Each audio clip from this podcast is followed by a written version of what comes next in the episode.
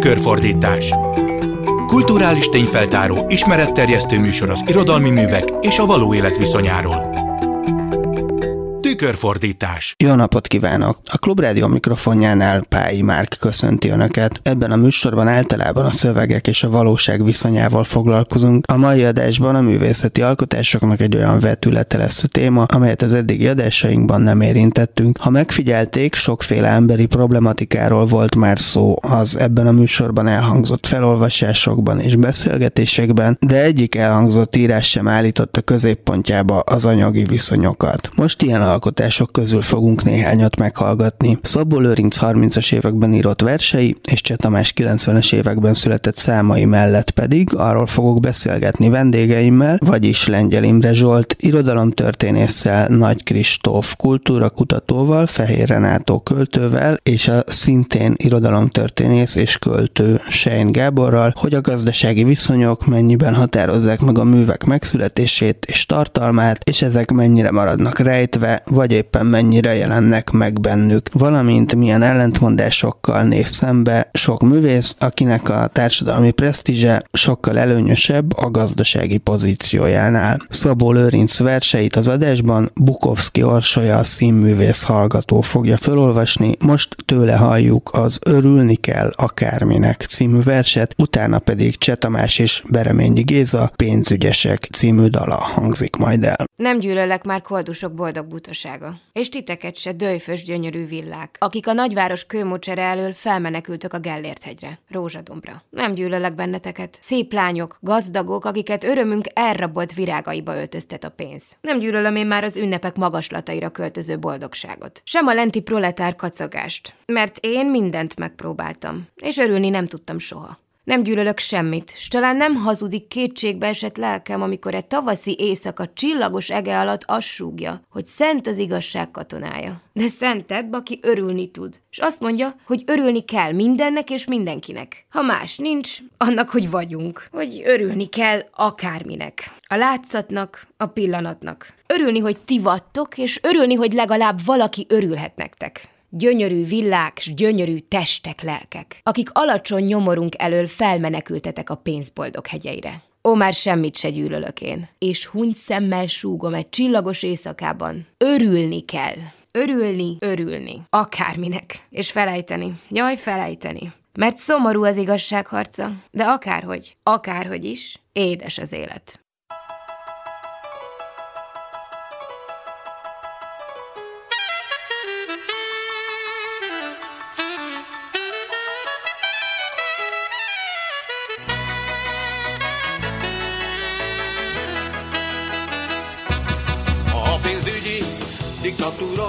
Diktatúra a sik, akik ügyesek, mint pénzügyesek. Az állampolgár régen te komcsi volt, vagy nem volt komcsi, ez volt a divat, és itt az új csodás, pénzügyi elnyomás, a zsebát világítás. Itt van az új idő, új diktatúra jő, a nagy közpénzre nyúlás. A vagy pénzügy is, vagy a vagy nem, vagy az nem vagy pénzügyi, tiéd a gűri, a diktatúra, máma már pénzügyi zsebedben kutat, van mutat utat, a régi jó puha koncsi diktatúra, helyett a pénzügyi jött, amely már ott lapult, készen, hogy ránk jobbul, végkádár hátam mögött.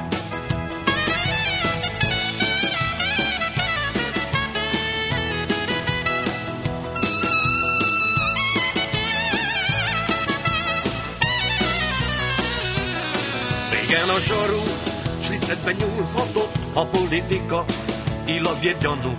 Máma a zsebed, kutatja át a szerv és a pénzügy is.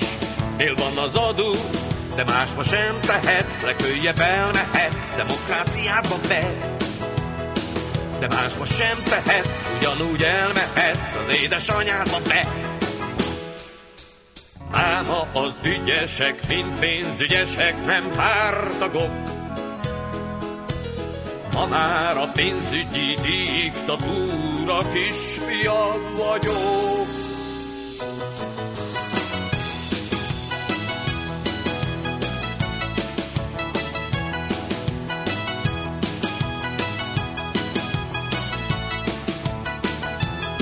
Ő mutat új utat, még zsebedben kutat, ahogy a zsebtől vagyok. Ő mutat új utat, még zsebedben kutat, ahogy a zsebtől vagyok.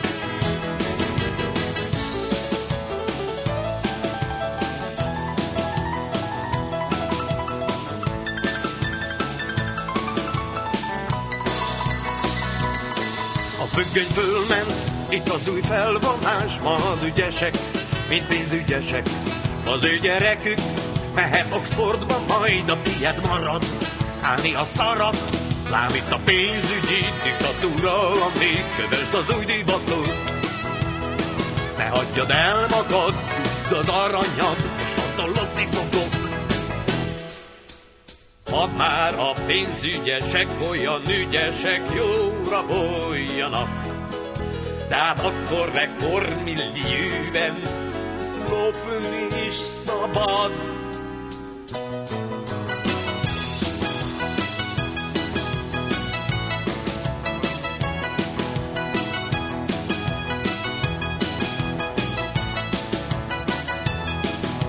Vissza tőlük azt, amit ők állami szinten leakasztanak.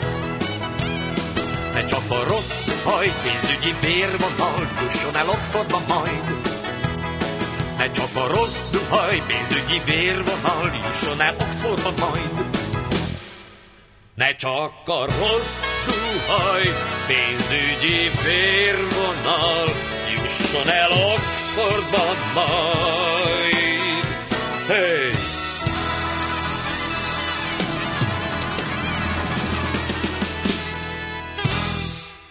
Szabó Lőrinc verse és Cseh Tamás dala után Lengyel Imre Zsolt irodalomtörténészt köszöntöm a stúdióban. A mai adásban a művek és az anyagi viszonyok összekapcsolódásairól beszélgetünk, és első vendégemmel ezen belül is arról, hogy bár most hallhattunk két olyan alkotást is, amelyek az anyagi viszonyokat és a szerző, illetve előadó velük kapcsolatos irítségét, rossz érzését, vagy épp a megváltoztatásukra irányuló vágyait jeleníti meg. Mennyire van jelen általában véve éve ez a téma, ez a vetület mondjuk a magyar irodalom különböző korszakaiban, hiszen például akár amit a Szabó Lőrinc versben, akár amit a Csetamás dalban hallottunk, ezeket a megközelítéseket sokszor illetlennek tartják, vagy nem komilfónak. Nyilván erre a kérdésre, hogy melyik korszakban mennyire jelenik meg, nehéz exakt módon válaszolni, hiszen ez nyilván annak a kérdése is, hogy melyik korszakból mire szeretünk emlékezni, vagy mi az, ami fenn marad abból a korszakból, mi az, ami egyetlen, ha meg is íródik, végül figyelmet kelt, kanonizálódik, komolyan veszik egyáltalán, és ugye nyilván azért nehéz erre a kérdésre válaszolni, mert ahogy te is mondtad, az idetlenség kérdése mentén ugye pont ez az egyik olyan szűrő, ami mentén adott esetben komolytalannak vagy elfogadhatatlannak tűnhetnek művek, és nagyon könnyen kipotyognak az emlékezetnek a rostáján. Az én nyilvánvaló példáim erre a 1930-as évekből a népírók vagy a parasztíróknak a példája, akik rengeteget foglalkoztak mondjuk ezzel a kérdéssel, hogy hogy lehet költők egyébként megélni, hogy lehet erre egzisztenciát alapítani, mi ez az intézményrendszer, amiben ők bármiféle tőke és jövedelem nélkül megérkeznek, és mégis irodalommal akarnak foglalkozni. Tehát rengeteget foglalkoztak ezzel a kérdéssel, de nem vették komolyan ezeket a kérdéseket, és ha emlékeznek is ezekre a szerzőkre, mint ahogy Veres Péterre, vagy Szabó Pára, vagy Sértő Kálmára egyre kevésbé emlékeznek manapság, akkor sem ezekre az aspektusokra emlékeznek, hanem mondjuk a politikai szerepvállalásukra. El lehet határolni, hogy mondjuk a dualizmus korában vagy a rendszerváltás után, vagy a Kádárkorban, vagy a konkrét jelen időnkben mennyire jelenik meg ez a téma a művekbe, vagy mennyire nem. Nyilván az a kérdés, hogy ezt a témát mennyire értjük tágan, vagy szűken. Tehát nyilván az anyagi viszonyoknak a kérdése, a pénznek a kérdése, az elég konstans módon megjelenik valamilyen szinten az irodalmi művekben, mindig lehet olyan irodalmi műveket találni. A dualizmus korának az irodalma nyilván nagyon sokat foglalkozott a cégalapításokkal, a váltóknak a problémáival, az örökség közösségeknek a problémáival, és a témának a fókuszpontja mindig áthelyeződött, de nyilván van egy fluktuációja a témának, tehát nyilván ezt meg lehet figyelni, hogy bizonyos megrázkódtatások, akár a 1870-es éveknek a válsága, akár utána az 1930-as évek beli válság, ez ugye előhozza ennek a témának a középpontba helyezését, mint ahogy mondjuk az elmúlt években is megszaporodtak az ezt feldolgozó művek, tehát mondjuk a költő, mint ételfutárnak a témája, és egyáltalán a szegénységirodalom, mint téma, ugye az elmúlt évtizedben megint az érdeklődésnek a középpontjába került. Tehát nyilván ennek valószínűleg inkább a figyelemnek van egy hullámzása, hogy mennyire figyelnek oda erre, mert művek mindig születhetnek, amiket fel lehetne kapni ilyen alapon, de nyilván a, a művek vagy az írók figyelmében is van hullámzás. És ha szűken vesszük, akkor viszont azt mondhatjuk, hogy kevés ez a mű, amelyik mondjuk a főhősnek a mély lélektanát a gazdasági viszonyokkal összefüggésben ábrázolja? Igen, azt hiszem, hogy ezt lehet mondani, hogy ez viszonylag ritka a magyar irodalomban. Ilyen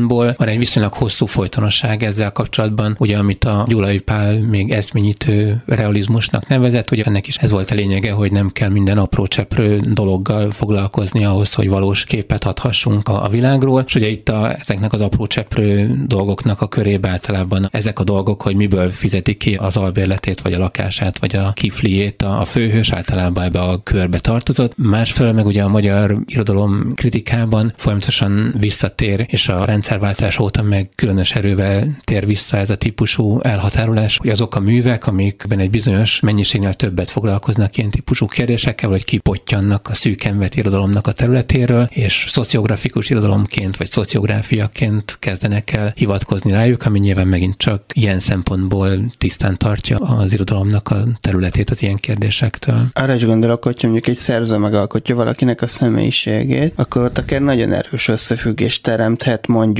a véleménye, a lelki beállítottsága és a mondjuk konkrétan részleteiben megjelenített anyagi viszonyai között, és nagyon sokszor azért azt látjuk, hogy mondjuk a lelki beállítottságát nem feltétlenül ezzel indokolja egy szerző, hanem kulturális hagyományjal vagy divatokkal. Igen, ez abszolút egy létező lehetőség, és egy olyan lehetőség, amivel valószínűleg kevesebbet élnek a szerzők, mint amit megértem ez a téma, de nyilván ennek a másik oldala, hogy a kritikusok is az ilyen típusú motiválásokat hajlamosak absztrakt szintre helyezni, vagy úgy olvasni, mintha nem ez lenne a dolognak a lényege. Tehát mondjuk én a Talsándor recepciójában, vagy fogadtatásában foglalkoztam ilyen kérdésekkel. Ugye a Talsándor azt hiszem a kevés kivétel közé tartozik, aki igenis nagy hangsúlyt fektetett erre, hogy hogyan lép bele az embernek az egzisztenciájának a legmélyebb rétegeibe, hogy milyen szabályozások vannak mondjuk a házépítésre kapcsolódóan, és az építőanyagot ki tudja elfizetni, és erre rámegy a házassága, stb. stb. De ugye amikor a kritikusok olvasták ezeket a novellákat, akkor ezt valamiképpen egy ilyen egzisztenciális szegénység, vagy a léttől való megfosztottságnak a kérdésévé transponálták. Tehát nyilván azért nehéz egészen tisztán látni ebben a kérdésben, mert elmosódnak a kontúrok, hogy tényleg ezzel foglalkozik egy adott szerző. Mekkora a jelentőség ennek a dolognak? Mennyire fontos, hogy ezek a viszonyok megjelenjenek az alkotásokban, és milyen szempontból van jelentősége? Nyilván erre nehéz általában vett választ adni, hiszen annak a kérdése, hogy ki mire akarja használni az irodalmat, vagy az ő életében milyen szerepet játszik az irodalom, és nyilván ezzel függenek össze ezek a kérdések is, hogy általában a társadalmi szinten milyen típusú használatai válnak dominánsá. Egy olyan közegben, ahol az irodalom ezeknek az absztrakt kérdéseknek a megtárgyalásának a terepeként van felfogva, és az a felfogás, hogy minden ennél földragadtabb kérdést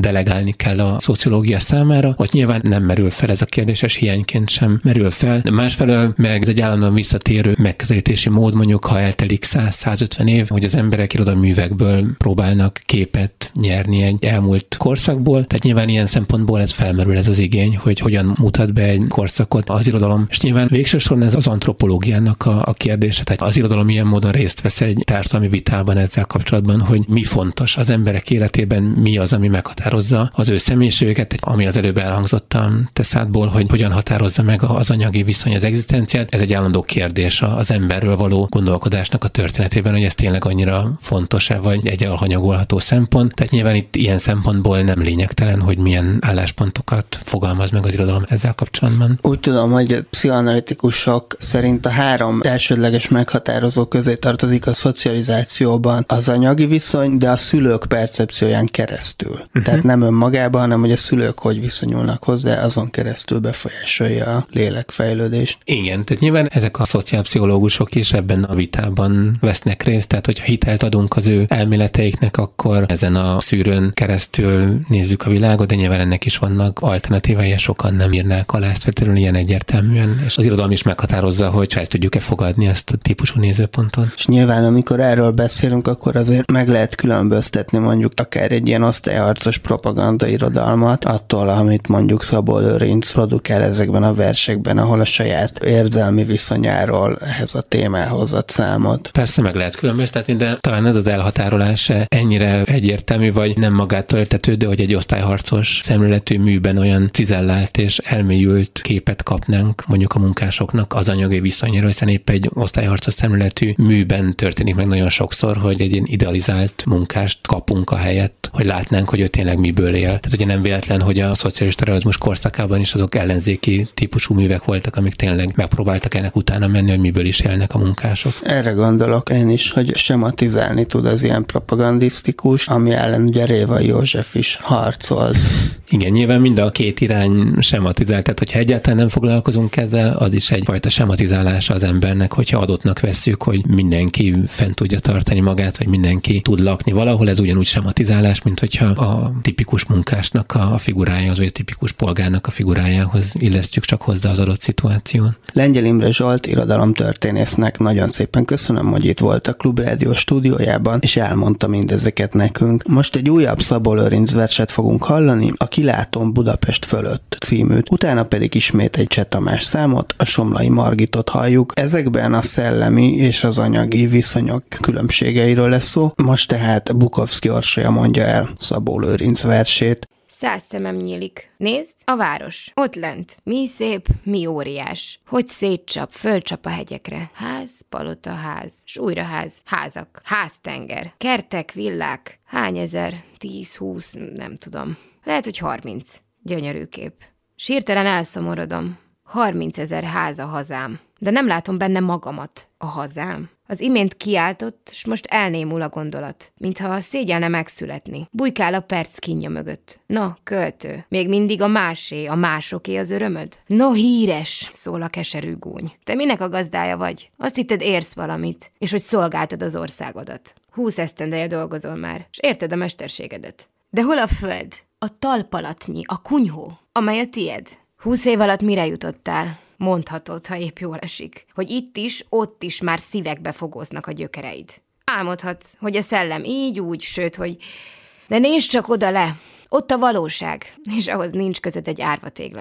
Megbuktál, költő. Lásd be végre. Akinek valamilyen van, az mind különb. Fontosabb nálad. Tehetségesebb, biztosan. Szükségesebb mind. Műveidről ez az igazi kritika. Sóhajtok, Szörnyű az igazság, de szörnyűbb bennem a hiba, mert már ásítok a sirámra. Ej, gondolom, lesz, ami lesz. Ha el tudom mondani jó, s rossz, nekem egyformán érdekes. Legyek bár vendég a hazámban és koldus a földkerekén, a szépnek, amit láttam, így is örök gazdája vagyok én.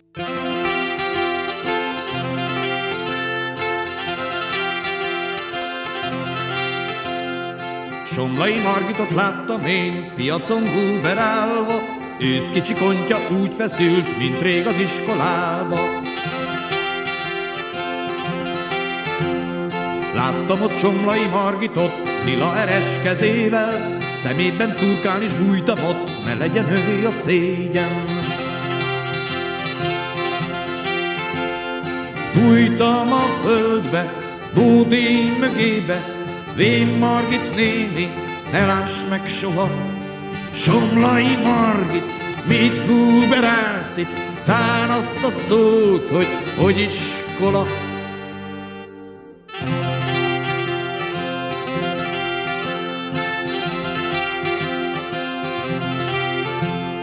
Oxfordi diplomás Somlai, latin-angol tanárnő, öt nyelven tudta mondani azt a szót, hogy teremtő. 85 éves kézzel ott, ügyesen túrt szemétben, a teremtő éppen nem figyelt, ő helyette is néztem. Bújtam a földbe, Bódé mögébe, Somlai Margit nem én, nem én teremtem, nincs hozzá kedvem, ezt a világot nem én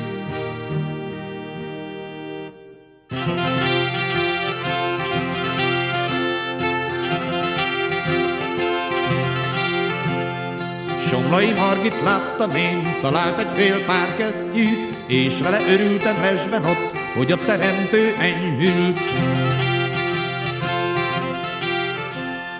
Bújtomban szurkoltam Istenem, Istenem és teremtőm, a kesztyi párját lejje meg, segíts a vén tanárnőm. In ultima ora, non datur secunda, a kesztyi párját lejje meg, add a kezébe, teremtőm végre, végén még más találja meg. Mivel, hogy volt ott rengeteg szemétben túró pára, S minden bódé mögébe bújt, mindnek egy tanítványa.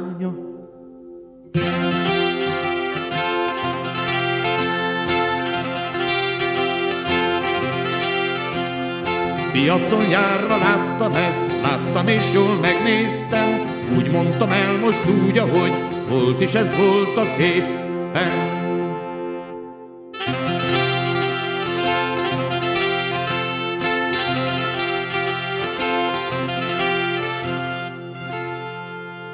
Cseh Tamás énekelte a Somlai Margit című számot, előtte pedig Bukowski Orsolya mondta el Szabó Lőrinc versét. A stúdióban most Nagy Kristófot köszöntöm, kultúrakutatót, akit a mai adás témájának arról a vetületéről kérdezek, hogy egyrészt a gazdasági viszonyok általában a társadalomban, másrészt a szerző, az alkotó saját anyagi helyzete mennyire határozza meg vajon a művek létrejöttét, és ez mennyire jelenik meg aztán a művekben, vagy mennyire marad rejtve. Két irányra lehet bontani a kérdést. Az egyik, ami talán mindannyiunknak eszébe jut lendületből, az az, hogy mik azok a közvetlen anyagi kényszerek, amik egy bármilyen alkotót érnek, és nagyon hasonló anyagi nyomások tolják, húzzák a tágabb értelemben kulturális munkásokat és azokat is, akik adott esetben egy művelődési házban dolgoznak, egy könyvtárban dolgoznak, és akkor vannak ezek a nagyon közvetlen kényszerek, amik nagyon erősen meghatározzák az alkotás folyamatát. Gondolhatunk tényleg arra, hogy ki az, aki meg tud élni abból, hogy eladja eladja a műveket, amiket megír, megfest, megkomponál, és így tovább, és akkor ebben hirtelen rögtön észre fogunk venni egyfajta globális hierarchiát is, szóval, hogy így nem csak arról van szó, hogy mondjuk a magyar művészeti mezőben vannak sikeresebb és kevésbé sikeres alkotók, hanem arról is, hogy ennek van egy ilyen nagyon erős globális hierarchiája. A kapitalista világgazdaság központjában címkézzük ilyen egyszerűen úgy, hogy a nyugaton sokkal könnyebb megélni alkotásból. Részben azért, mert sokkal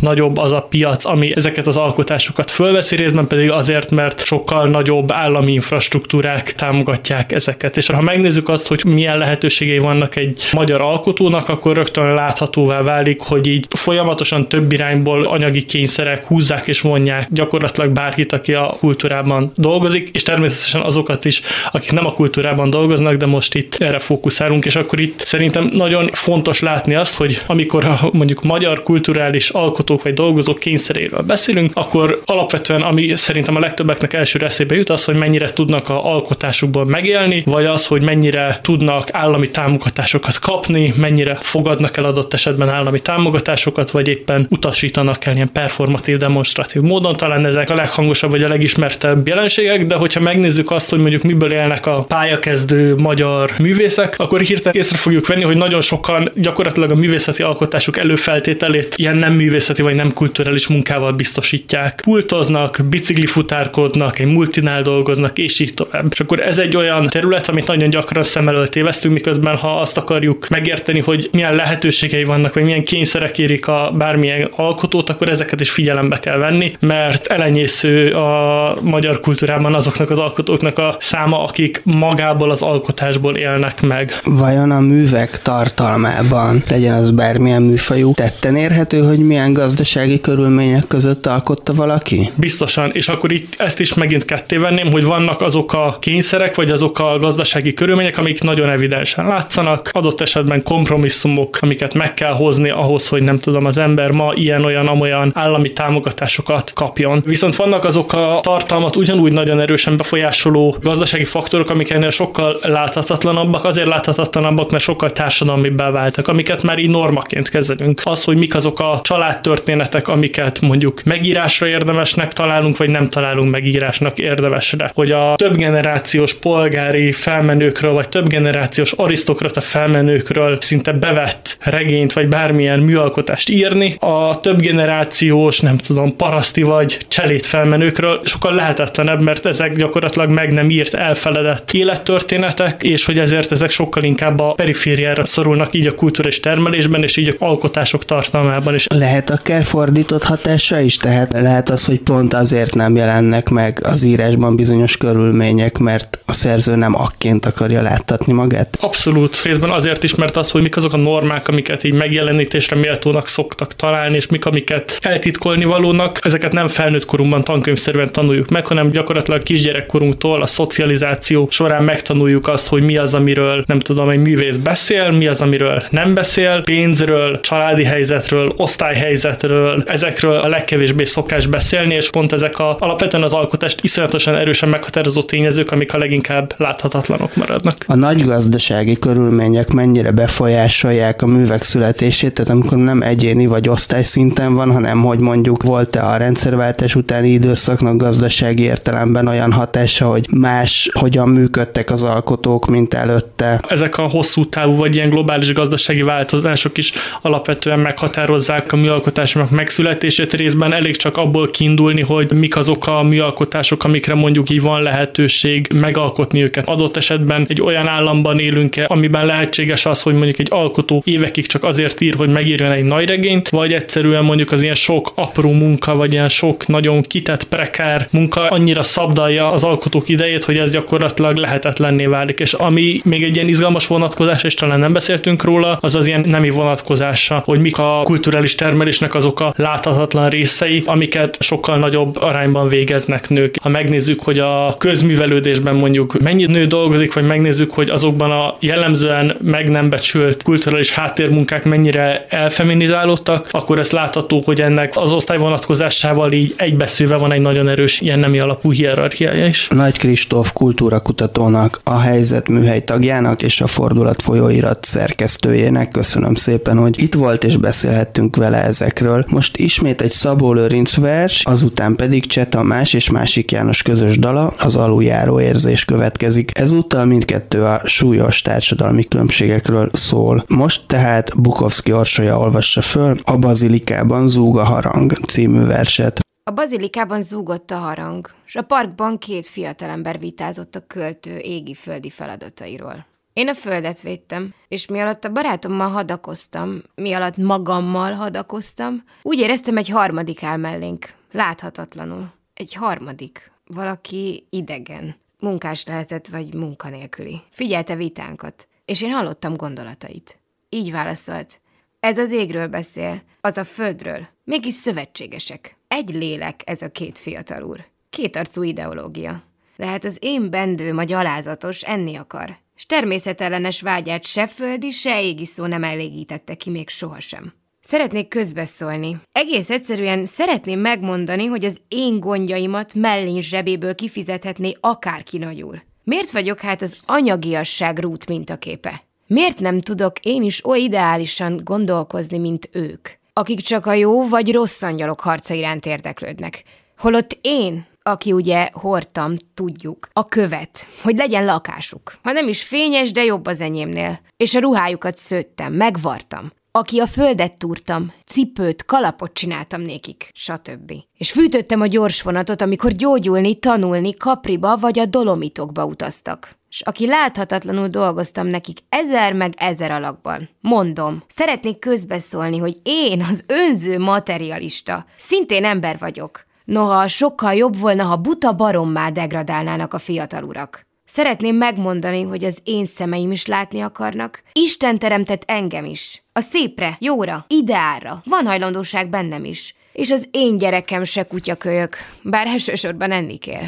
És amennyit a boldogok érnek, annyit az én lelkem is ér. Miért nem néznek hát rám is olyan érdeklődéssel, mint a levegő angyalaira? Miért nem beszélnek helyettem, aki még bánataimat se tudom az Isten törvényszék előtt elmondani tisztességesen? Miért nem dolgoznak, ahogy tudnak azon, hogy valamikor én is örüljek? Hogy ne dolgozzon annyit az anyám? Miért nem biztatnak, hogy lesz nekem is ideálom és hazám? És a hazában valahol lesz még számomra hely, ahol egy kis nyugalomért meghalni mégse kell. Miért nem mondják? Miért nem érzik ezt az angyali fiatalurak, akik oly lelkesen tápcsövezik a jós, rossz angyalok harcát? De nem látják a legszomorúbb harcot, s hogy én közönséges állat maradok az örök szegénységtől. Mi alatt a bazilikában zúg a harang, és ők meg utódaik századokon át vitáznak a költő égi és földi feladatairól. Lányül az aluljáró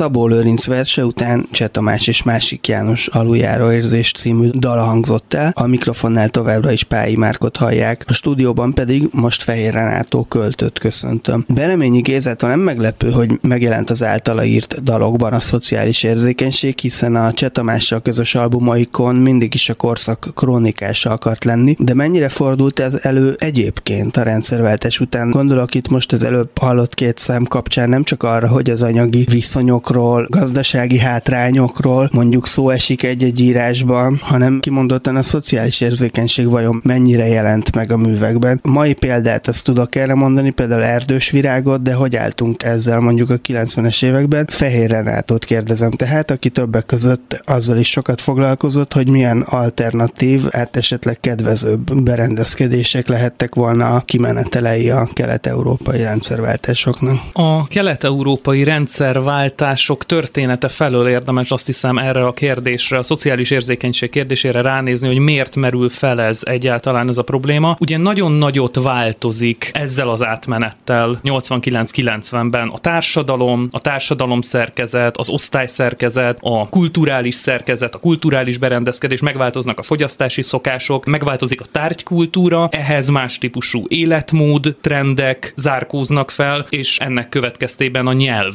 is megváltozik. A nyelv ekként pedig az irodalomnak az alapanyaga, tehát nagyon nagy hatással van az irodalomra az, hogy ez a nyelv miként és hogyan változik meg, és amikor ránézünk erre a korszakra, és ránézünk K-Európára, akkor az is nagyon-nagyon fontos tapasztalat, hogy ezeket az éveket az eufória és az illúziók mellett a nyugathoz való felzárkózásoknak a diskurzusa határozza meg nagyon erősen, utol kell érnünk Ausztriát, szól a történet, és nagyon fontos kérdés az, hogy milyen mintázatokat kell utolérnünk, mik azok a politikai ajánlatok, amiket utol kell érnünk, ez szerintem nagyon erősen befolyásolta a rendszerváltásokat, mert hogy ezek jellemzően azok a neoliberális ajánlatok voltak, amelyek mondjuk a 70-es évek végén beköszöntöttek a nyugati társadalmakba, és olyan neokonzervatív, neoliberális politikusok vezényelték le ezt, mint Margaret Thatcher és Ronald Reagan, és ez volt az a mintázat, amihez a kelet-európai politikai elitek fel akartak zárkózni, és mondjuk nem az az ajánlat Ausztria kapcsán, hogy milyen volt ott a szakszervezeti mozgalomnak az ön szerveződő ereje. Ez az a történelmi szituáció, vagy geopolitikai szituáció, ami a szociális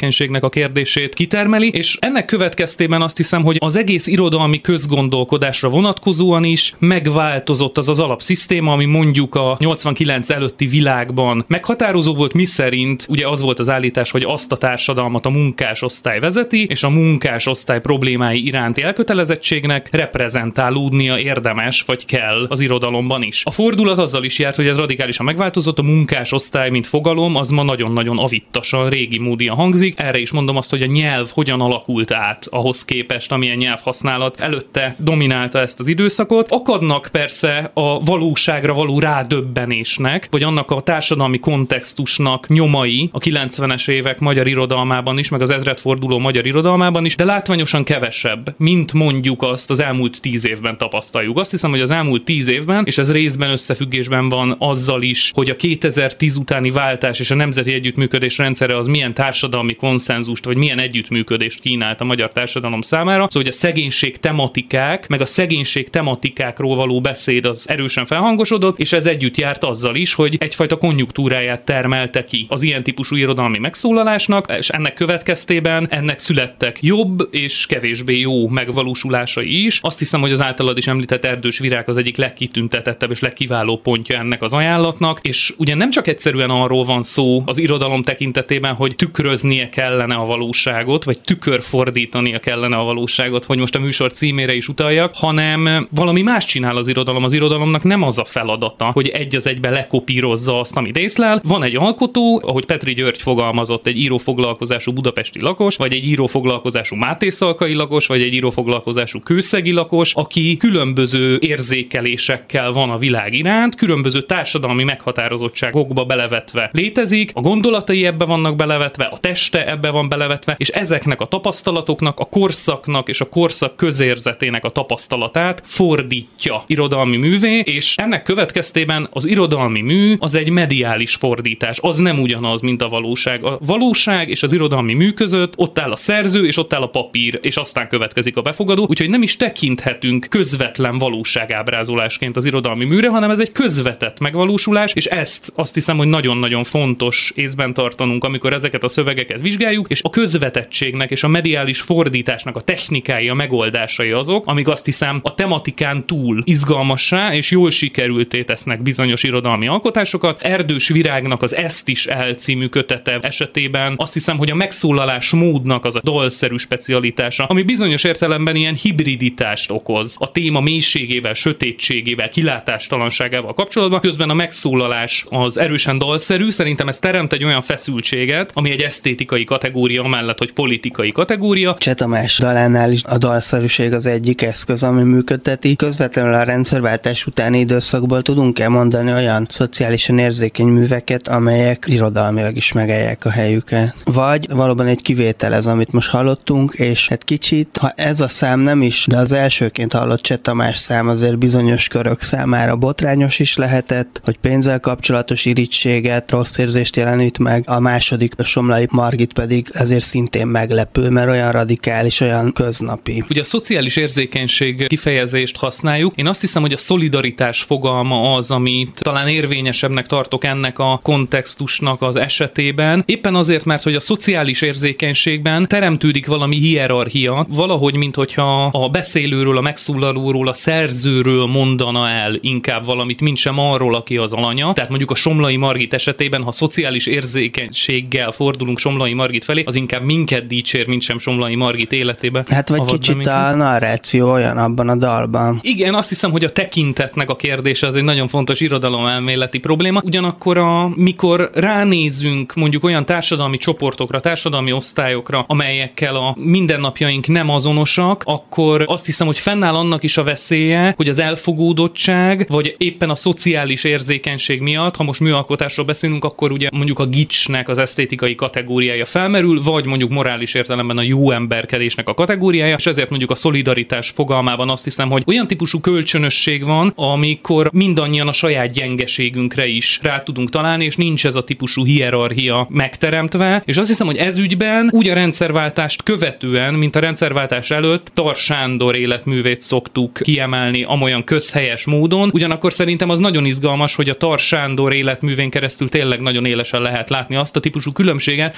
ami ezzel a társadalommal, vagy a társadalom munkásosztályával rendszerváltás előtt és után történt. Fehér Renátónak nagyon szépen köszönöm, hogy elmondta ezeket a tükörfordítás mai adásában. Most hallgassunk meg még három verset Szabó Lőrinctől, amelyekben a hangsúly az anyagiakhoz való ellentmondásos viszonyról egyre inkább átkerül a személyes, belső érzelmi ambivalenciákra, és utána még Sein Gábor költővel és irodalomtörténésszel beszélgetünk az alkotói önkép és egzisztencia viszontagságairól. Most tehát Bukowski Orsolya olvassa föl Szabó Lőrinc verseit. Töprengés egy körúti padon. Mennyi jó és mennyi rossz fut össze itt véletlenül. Hány ember tolakodik? Hány akarat lükteti össze a percek mozaikjait, és mennyi erő a körutak egy-egy mozdulatát? Ki tud eligazodni a roppant szövevény minden szálány, mely mint ideg a testben, úgy fut az utca rajzában, hordva, termelve saját parancsát, svágyait. Ó, mind-mind egyedül fut, és nem akar törődni senkivel. Ó, nem törődik senkivel az élet, és véletlenek irányítják a sikert. Véletlenek ítélnek fölöttünk, és ki tudja, nem tévedése minden. Mennyi jót akartam én is, és mennyi rossz lett az eredmény. Hányszor láttam hitványnak azt, aki épp úgy becsülte magát, mint magamat én. Ó, hány akarat, titok és vágy teremti meg életünk egy-egy mozdulatát. Jaj, le kell hunynom a szememet, és rábízni magam a csodára mert már nem tudom mi rossz, s mi jó. És majdnem úgy ülök itt a körúti padon, az utca ezer mozdulata előtt, mint mellettem ez az öreg úr, aki sorsa túlvilágából szeliden mosolyogva nézi, hogy futkosnak előtte a gyermekek. És legjobban annak örül, hogy e pillanatban oly nyáriasan melegen csókolja arca kiszáradt bőrét az őszi nap. Szövetségesek. Úgy látszik, csak a természetes rosszban van igazi életerő. S rossz minden erő, mert mindig árt valakinek. Úgy látszik, mondom, csüggedek. Gyöngeségem moralizál, amikor az erőt szidom. Az érdekem moralizál. Pedig talán nem is rossz, ami rossz. És az élet, ahogy van, gazdagabb és egyszerűbb, mint hisszük. Moslékon hízott disznóhúsból tündéri lánytest virul ki. A lilium visszahull mocsarába. És a betegség épp oly csodálatos, mint az erős test büszke épülete. Nem rossz a rossz.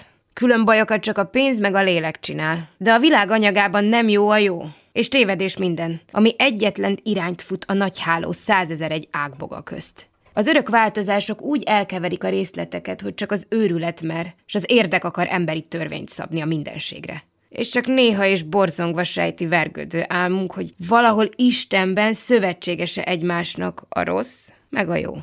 Úgy látszik. Úgy látszik fekete volt, amire azt mondtam fehér. Úgy látszik, rossz pap voltam én, ki Krisztust hisz és ördögöt beszél. Úgy látszik, odavitt rossz szemem, ahol a lábam nem akart. Úgy látszik, az én nyílam ez a nyíl, és az én kardom szívemben ez akart. Úgy látszik, sorsom játszik, játszik, és az én igazam sose látszik. Soká botorkáltam, vakon, és senki se nyújtott kezet. Sírattam a szegényt, és elhagyott. És a gazda kinevetett. Iszonyú látni, hallani, mit akartam, és mi lett. Nem merek többé szólni. Árvaság lettem, és rémület. Semmi sincs úgy, ahogy ma látszik. Életemmel valaki játszik. Úgy látszik, barátom a legjobb. Még azt se szeretett. Úgy látszik, ő se látta meg igazi szívemet. Úgy látszik, vezekelni kell egy varázsló gonoszért. Úgy látszik, rossz csoda büntet. De miért? De miért? Miért? Úgy látszik, minden játszik, játszik. S aki angyal, ördögnek látszik. Bukowski Orsolya felolvasásában hallották Szabó Lőrinc verseit a tükörfordítás mai adásának utolsó részében Sein Gábor költőt és irodalomtörténészt köszöntöm. És vele még kicsit arról beszélgetünk, hogy ezeknek a verseknek, és persze főleg a legutóbbi háromnak, a legfőbb tartalma nem is annyira a költőjüknek az anyagi körülményekhez való viszonya, vagy arról alkotott véleménye, hanem az a belső ellentmondásosság, amit Szabó Lőrinc az egész életművében is egyébként magas színvonalon visz végig végig, vagyis a gondolati dilemmák és érzelmi bizonytalanságok megfogalmazása. Például több versében is megfogalmazódott a mai műsorban egy kettősség az egyén szellemi teljesítménye, illetve a gazdasági helyzete között. Mi az alkotó helyzete ezzel ma, és hogyan küzd meg a kettős visszajelzéssel valaki, ha mondjuk nincsen arányban a szakmai és az anyagi megbecsültsége? Erről kérdezem először Sein Gábort. Picit máshonnan közelíteném meg, nem annyira az egyén felől, hogy hogy hogyan birkózik meg az ő általa érzékelt szakmai elismerés és az anyagi elismerés mindig fennálló aszimetriájával, vagy az egyik túl sok és a másik kevés, vagy fordítva, hanem inkább szerkezeti kérdésként közelíteném meg mindezt. Az író, vagy akit komolyan annak tekintünk, a saját idézőjelben szakmájának a professzionális képviselője. A szakmát itt azért tettem ki idézőjelben, gondolatban, mert az irodalom néhány más művészeti területtől eltérően autodidakta fejlődés vonalakat ír elő, és így emelkedik valaki, így is mérhető grádicsokon keresztül, tehát a folyóirat, majd könyvpublikáció, kritikai elismerés, díjak, stb., illetve egy belső fejlődési útvonalon professzionális alkotóvá. Viszont ez azt jelenti, hogy professzionális alkotóról beszélünk, hogy nagyon sok időt fordít magára a fejlődésére, és hát aztán a művek létrehozására. A másik vonatkozása ennek, hogy az irodalom esetében a modernitás korában, mint majdnem minden más területről erről is elmondható, hogy a piac a legfontosabb közvetítő tényező az alkotó, íróasztala és az olvasó között. A piacot elsősorban a könyvkiadó és a könyvterjesztési hálózat képviseli. Ezek a rendszerváltás után, illetve inkább 1996 után ma Magyarországon tőkés vállalkozások, mégpedig tulajdonképpen egy alulfinanszírozott piacon működő vállalkozásokról van szó. Az alulfinanszírozottsága az többek között abból származik, hogy statisztikailag mérhető, hogy egyre csökken a könyvolvasóknak a száma, és az egyébként könyvet olvasó populáció által elolvasott könyvek száma is rohamosan csökken, vagyis hogy az egész térbe egyre kevesebb pénz kerül be. Ennek az lesz a következménye, hogy maga az alkotó ugyanbár árut termel, tehát áruként lép a piacra a könyve, ő maga személyesen az esetek 98%-ában egy-két írót kivéve, akik nagyon nagy példányszámokat érnek el, és általában ezt a nagy példányszámot alacsonyabb esztétikai minőségű alkotásokkal lehet elérni, nem minden esetben, de többnyire. Tehát az alkotók nagy része nagyon nagy mértékben pénzhiányosan dolgozik. És akkor itt két dolog történhet. Egyrészt az alkotók nagy része úgymond hobbi alkotóvá válik, tehát valami mással keresi a pénzét, és emellett megpróbál elegendő időt szánni az írásra. Tanít, kulturális szervezőként dolgozik, legkülönbözőbb dolgokat lehet elképzelni. Ha a családja van, akkor nyilván ez még nehezebb kérdés. És van még egy szereplő, amely ide belép ebbe a térbe, ez az állam lehet, amelyik részben ösztöndíjakat tud adni, azok magát az alkotót, tehát a termék létrehozóját támogatják, vagy pedig a könyvkiadók pályázhatnak könyvkiadásra, tehát ott a terméknek a piacra vitelét támogatja az állam. Az ösztöndíjak mennyisége Magyarországon ma csekély, viszont a meglévő ösztöndíjaknak egy jelentős része politikailag indexált. Ez egy nagyon nehéz kérdés ebben a pillanatban, tehát hogy van egy alapvetően a termelő oldalán, az író oldalán nagymértékben tőkehiányos szituáció, ahova az állam kulturpolitikai célokkal lép be, de egyébként a piacnak is vannak látens, nem kulturpolitikai céljai, de hatásai mindenféleképpen vannak. A piac az magát a kultúrát képviseli, tehát mindig standardizál, konzervatív, kockázatkerülő, ez maga a kultúra, amit a piac képvisel, és amit az állam képvisel, az is maga a kultúra, amit a jó irodalom képvisel, az pedig nem a kultúra, hanem az a művészet. És a kettő az valójában ütközik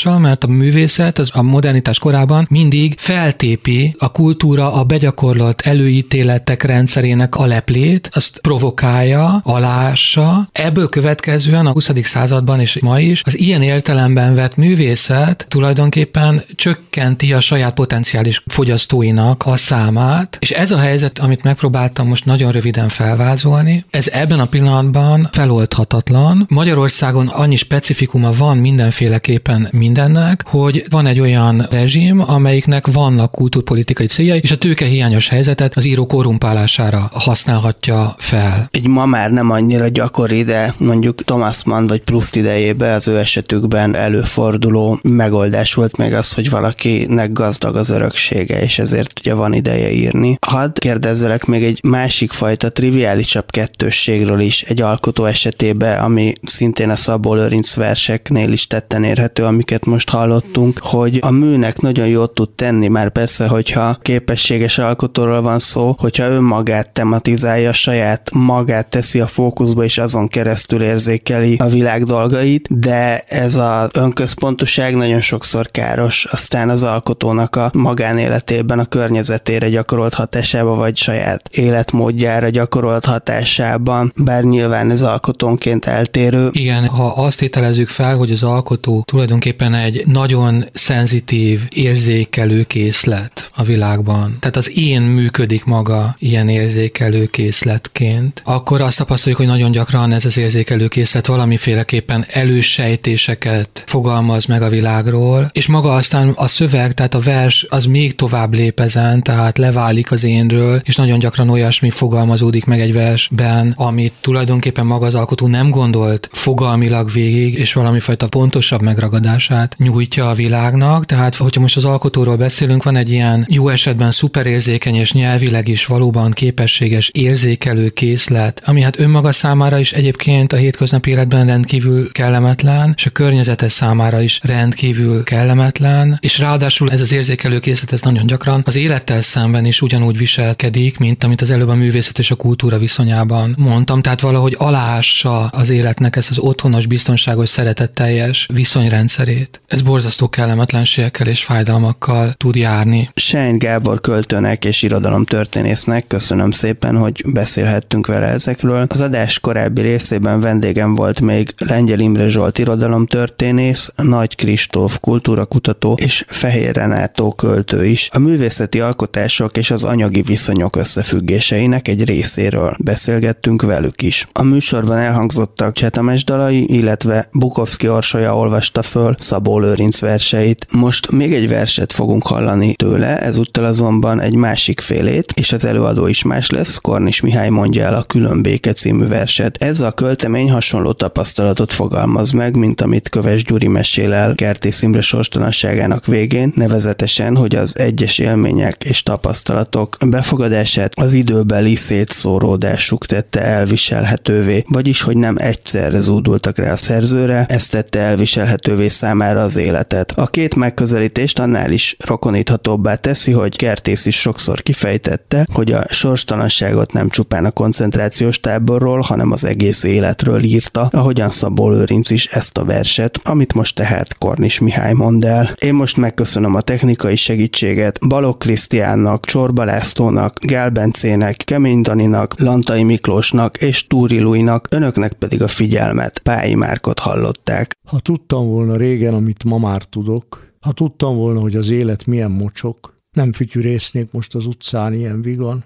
valószínűleg felkötöttem volna magam.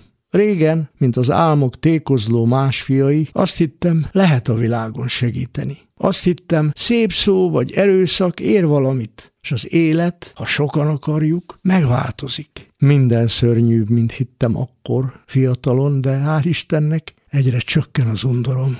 Egyre jobban bírom az évek förtelmeit, és az idő és a közöny már fertőtlenít, mert fájt lát, sorra dobta minden egymás után, s 33 éven ma átlát minden szitán. Látom, sokkal több a mocsok, mint az ifjúkor, sejteni bírta volna bennem valamikor. Látom, milyen rútul becsapják a baleket, s hogy a balek azért balek, mert mást nem tehet és hogy az ész, az érdek rimája, és hogy magát sugaras hősé, a bitang is hogy költi át. S ha van is, kézen közön elvész az ideál, és hogy nem hozhat egyetértést, csak a halál. És mert mindez még csak nem is aljas, nem szomorú, és minden dolgok apja valóban a háború, úgy nézem elszánt nyugalommal az életet, mint reménytelen lepratábort vagy harcteret.